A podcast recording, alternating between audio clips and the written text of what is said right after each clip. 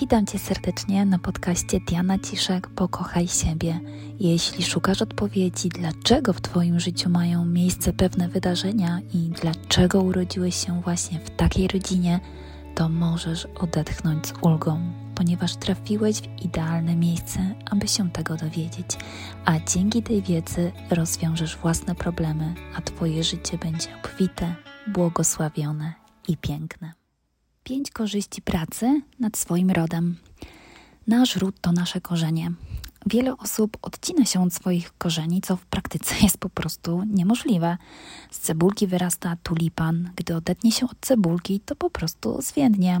Postoi kilka dni, ewentualnie w wazonie, ale to wszystko. Często tak się mówi, że nikt cię nie zna lepiej niż własna mama. No właśnie, i tu jest klucz, którym otworzysz wszystkie drzwi. Dlaczego tylko klucz z rodu otworzy Twój sejf spełnionego życia? Bo naszym obowiązkiem jest ulepszać nasz ród. Rodzice byli biedni? Zastanów się, co robili nie tak. Może kupowali wszystko na, na emocjach? Ty po prostu zrób inaczej. Jakie konkretnie możesz mieć korzyści z pracy nad swoim rodem? 1. Korzyść pierwsza. Oszczędność czasu w szukaniu, co jest ze mną nie tak. Nie musisz szukać pół życia, co robisz nie tak.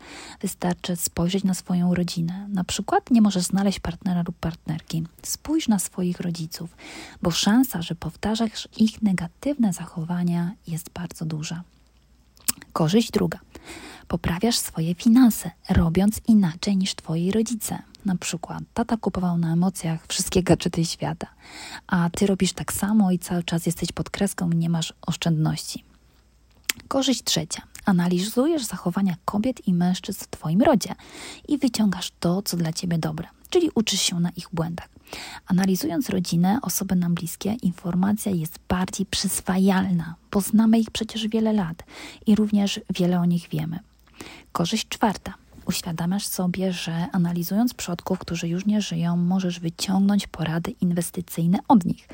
Na przykład babcia miała 10 kopert na różne wydatki, dzięki, temu była niezależna całe życie. Albo prababcia miała słoik ze złotymi monetami, dzięki temu dobrze żyli po wojnie.